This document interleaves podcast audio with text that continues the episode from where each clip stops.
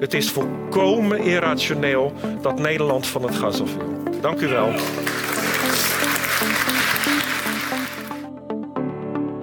Hoe gaan we dat doen? 9 miljoen gebouwen van het gas afhalen. Als ik dan die 200 miljard ga zitten verachtvoudigen, dan gaan we de 1600 miljard betalen voor onze bijdrage aan, uh, aan, aan de klimaatverbetering. Nederland moet gasloos worden, vindt het kabinet. En wel zo snel mogelijk. Maar is dat wel zo'n goed idee? Met die vraag in het achterhoofd organiseerde Elsevier Weekblad op 25 juni het grote gastdebat in de Bali in Amsterdam. Mijn naam is Matthijs van Schie en in deze podcast hoort u de hoogtepunten van het debat. Het was aan het begin van de avond al duidelijk dat het grootste deel van het publiek niet ziet in de plannen om Nederland versneld van het gas af te halen. U hoort gespreksleider Martijn de Greven. Ik wil u een hele simpele vraag stellen. Hij staat daarboven. Kan Nederland van het gas af? Als u zegt ja, groene kaart. Als u zegt nee, rode kaart. Kijk aan. Dat zegt mij wel iets, dames en heren. Dat zegt mij wel iets. Ik zeg hier, uh, hier komt geen notaris aan te pas, maar ik durf te zeggen dat 70% van de zaal zegt rood. Daar moet u het even mee doen. Wetenschapsjournalist Simon Roosendaal opende het debat door het publiek mee te nemen naar zijn jeugd. Nederlanders stookten toen nog volop met steenkool. Gaat u even goed zitten voor zijn verhaal. Ik groeide op in de Rotterdamse wijk Katendrecht. Toen bruisend en berucht. Nu bruisend en beroemd. Mijn ouders hadden een kolenkachel, natuurlijk. En ik moest regelmatig de kit vullen met kolen uit een hok buiten, achter de groentewinkel. Het was een heel gedoe om die kachel aan de praat te krijgen. En het werd alleen in de woonkamer behagelijk. In de rest van het huis stonden zwinters de bloemen op het raam. Maar het was gezellig. En het rook overal naar steenkool. Als ik in landen ben waar nog kolen worden gestookt, Ierland, Oost-Europa, ruik ik mijn jeugd. Heerlijk. En zo smerig. Pas toen ik later scheikunde ging studeren in Delft, haard het op mijn schouders had, PSP stemde en lid was van Milieudefensie, drong langzaam tot me door hoe smerig. Wel nu, in het Rotterdam waar ik opgroeide, zat in 1965 gemiddeld per jaar 200 microgram zwaveldioxide in de lucht. Daarvoor moet het nog meer zijn geweest, al werd het niet gemeten. Nu is het een, in heel Nederland, zelfs in Rotterdam, één. Het lijkt logisch dat die hartverwarmende afname komt door het milieubeleid dat vanaf 1970 is opgetuigd. Aardolie en benzine werden zwavelarm gemaakt. Er kwamen drieweg katalysatoren onder de auto's elektriciteitscentrales en raffinaderijen moesten ontzwavelingsinstallaties bouwen. Maar de grootste daling kwam daarvoor al tot stand, in de jaren 60, nog voordat al die milieumaatregelen werden ingevoerd. En die verandering kwam door een andere vorm van ruimteverwarming. Door aardgas dus. Dat vanaf 1959 zwavelloos de Nederlandse huizen instroomde. Maar dat zwavelloze aardgas ligt nu onder vuur. Onbegrijpelijk, vindt Roosendaal, gezien de cijfers. Aardgas heeft de helft van de CO2-uitstoot van aardolie en steenkool. In al die artikelen die er de afgelopen maanden in de kranten hebben gestaan over aardgas, het klimaatakkoord van Parijs en de klimaattafels, heeft dit cruciale feit ontbroken. Ik heb het nergens, werkelijk nergens gelezen. Er wordt wel eens gesproken over feitenvrije politiek en feitenvrije journalistiek. Wel nu, dit is een aardig voorbeeld. Geen politicus heeft het erover gehad. Het bleef onbenoemd wanneer het bij het journaal of Jinek weer eens over smeltende poolkappen ging. En dat terwijl het gebruik van aardgas in bepaalde opzichten zelfs beter is dan wind- en zonne-energie. Dat zit zo. Het is in tegenstelling tot stroom uit windmolens en zonnecellen makkelijk op te slaan. Het is goedkoop en er is genoeg voor een paar eeuwen. Het is de gedroomde bron voor de energietransitie. Als we wereldwijd aardolie en steenkool zouden vervangen door aardgas, verlagen we de CO2-uitstoot met de helft. Met andere woorden, het is volkomen irrationeel dat Nederland van het gas af wil. Dank u wel.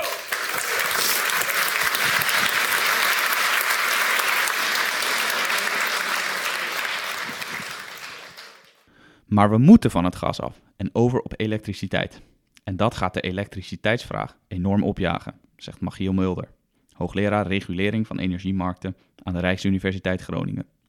Hoeveel? Dat berekent hij door het jaarlijkse Nederlandse energieverbruik op te tellen bij de groeiende elektriciteitsvraag per jaar. We gaan namelijk steeds meer elektrische apparaten gebruiken.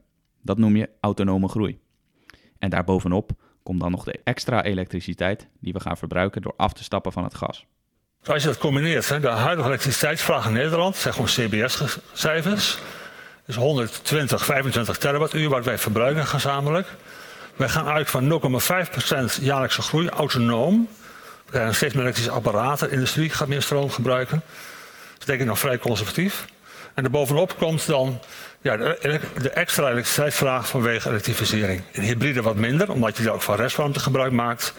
Maar bij elektrificatie, bij volledige elektrificatie zie je in 2050 de totale stroomverbruik naar zo'n 225 gaat. 100 terawattuur meer dan nu. En dat is de opgave als je gaat elektrificeren bij woningen en bij transport. En dan hebben we het nog niet gehad over elektrificering van de industrie. Dat is helemaal naar buiten beschouwing gelaten. Kunnen we die extra vraag dan opvangen met het opwekken van duurzame energie uit bijvoorbeeld wind of zon? Nee, zegt Mulder. Zelfs niet als je uitgaat van optimistische cijfers. Ik ben hier uitgegaan van vrij optimistische capaciteitsfactoren. Dat wil zeggen, hoeveel stroom kun je maken met windturbine? Van 40% Momenteel is het maar 30% Van zon ben ik uitgegaan van 25% Momenteel is het slechts 10% Dus als je heel erg gunstig bent, dan nog blijkt dat het te weinig is. En dat heeft ook te maken met de sluiting van een andere vervuiler, namelijk kolencentrales. Het energietekort dat daardoor ontstaat, moet ook worden opgevangen. Kortom, de vraag naar elektriciteit wordt enorm.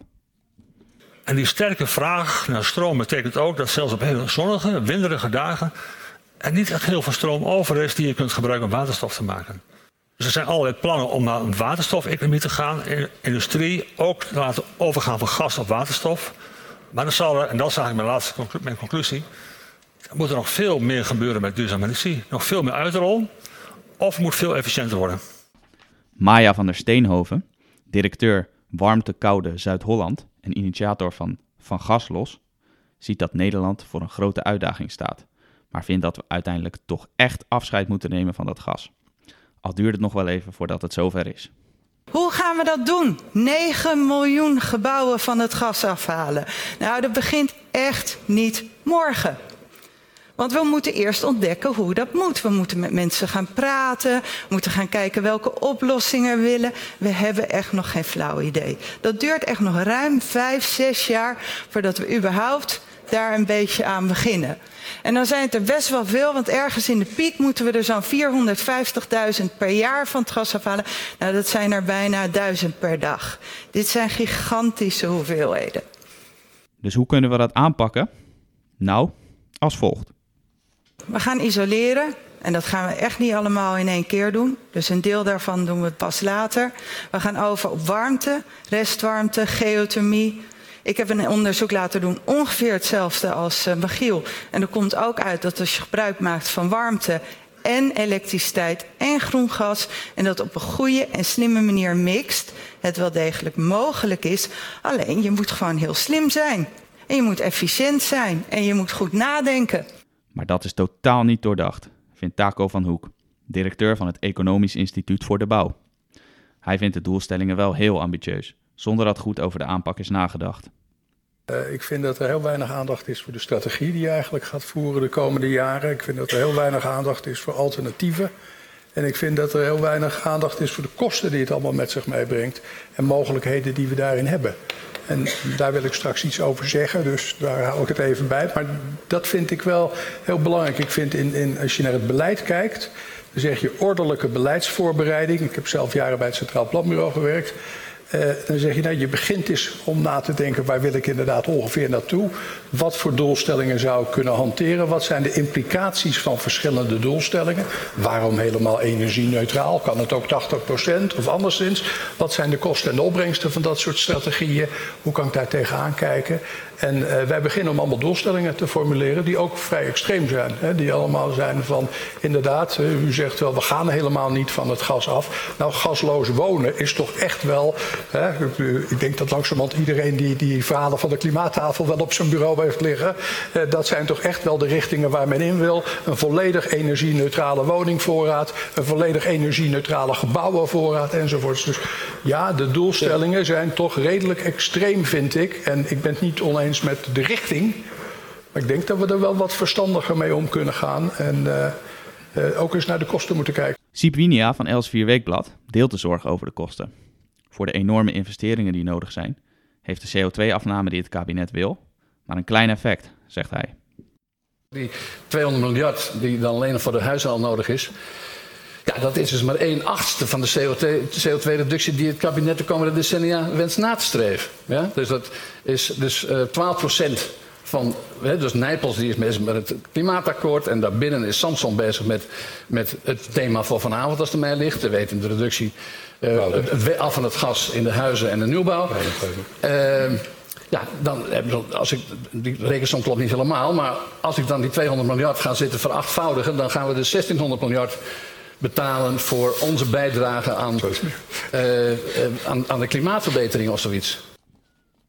Gespreksleider Martijn de Greven vraagt zich daarom af hoe Maya van Steenhoven aankijkt tegen de maatschappelijke onrust die het kostenplaatje teweeg brengt. Die, die enorme rekening die, die, waar iedereen zich afvraagt waar gaat die landen en welke omvang.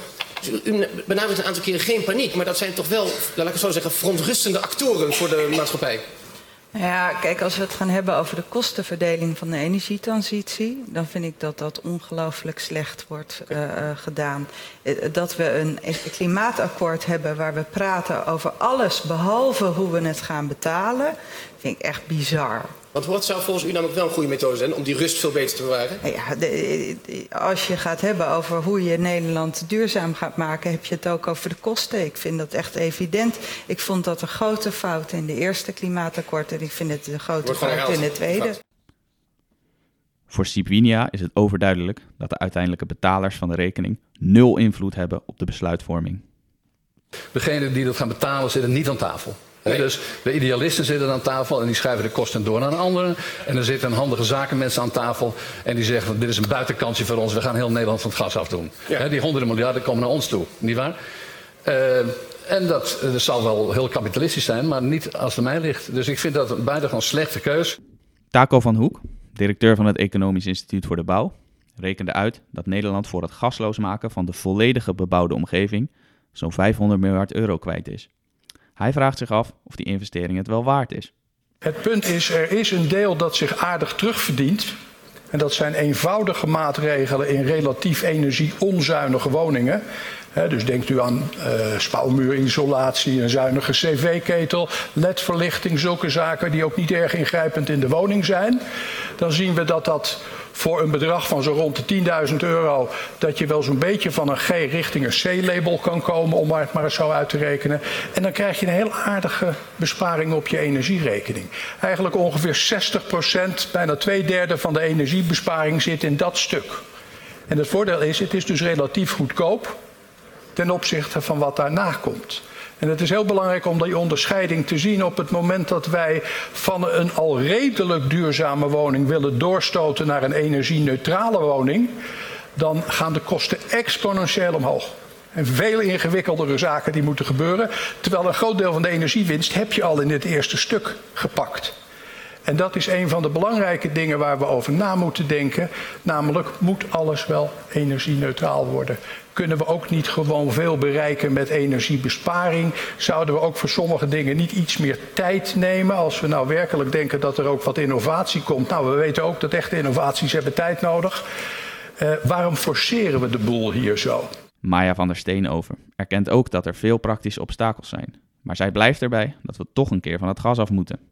En we doen nu alsof het, je zegt niet te zwart-wit, maar veel langzamer dan we nu gaan in 20 jaar van 1,5% naar 6,5% is bij. Dan moet je echt je best doen om nog langzamer te gaan dan wij in Nederland zijn gegaan als het gaat om verduurzaming van onze energiehuishouding. Dus ik vind prima hoor, dan gaan we het nog langzamer doen. Ook goed. Dan mag je nog één zin aan toevoegen, dan ga ik naar de zaal. Maar de rest van de wereld gaat sneller. We zijn echt achterloper. Ja, en daar één opmerking op. Wat wij al twintig jaar doen, is onze doelstellingen naar beneden bijstellen. Echt, we zijn begonnen met 20% in 2020. We zitten nu op 6,6 in 2018. En het enige wat wij doen al jaren is onze doelstellingen naar beneden bijstellen. dus- Maar als het aan de zaal ligt, hoeven we helemaal niet sneller te gaan. Sterker nog, het grootste deel van het publiek lijkt het ermee eens dat de transitie nu al te snel gaat en misschien zelfs helemaal niet nodig is. De besluiten worden over de hoofden van de burgers genomen, vinden veel aanwezigen. En dat wekt veel irritatie op. Er wordt gesuggereerd dat, eh, dat van gaslos dat dat eh, langzamerhand gebeurt. Maar nu, in, in mijn pla- woonplaats, is het al een half jaar vertraging door dit soort rare Ja. beslissingen. Ik moet eh 10 of 20.000 euro eh, extra betalen. Die verplichting is gekomen door een politiek besluit van ons kabinet. Wie zich in de kijker wil spelen, kijk mij eens flink zijn, kijk mij eens progressief zijn. En wij moeten met z'n allen de, de idiote gevolgen accepteren. Ik ken me er zo kwaad te maken, ik schijn er aan mee uit.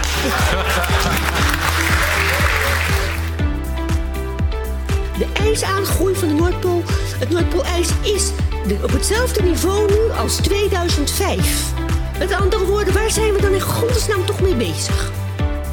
Het is natuurlijk echt te gek voor woorden dat als dit zo'n ingrijpend onderwerp is... wat we allemaal gaan voelen, hoe dan ook, wanneer dan ook, waar dan ook... dat de politici nog steeds gewoon eigenlijk het lef hebben om niet ten tonele te verschijnen. Dit was een samenvatting van het grote gastdebat van Els 4 Weekblad. Mijn naam is Matthijs van Schie. Hartelijk dank voor het luisteren.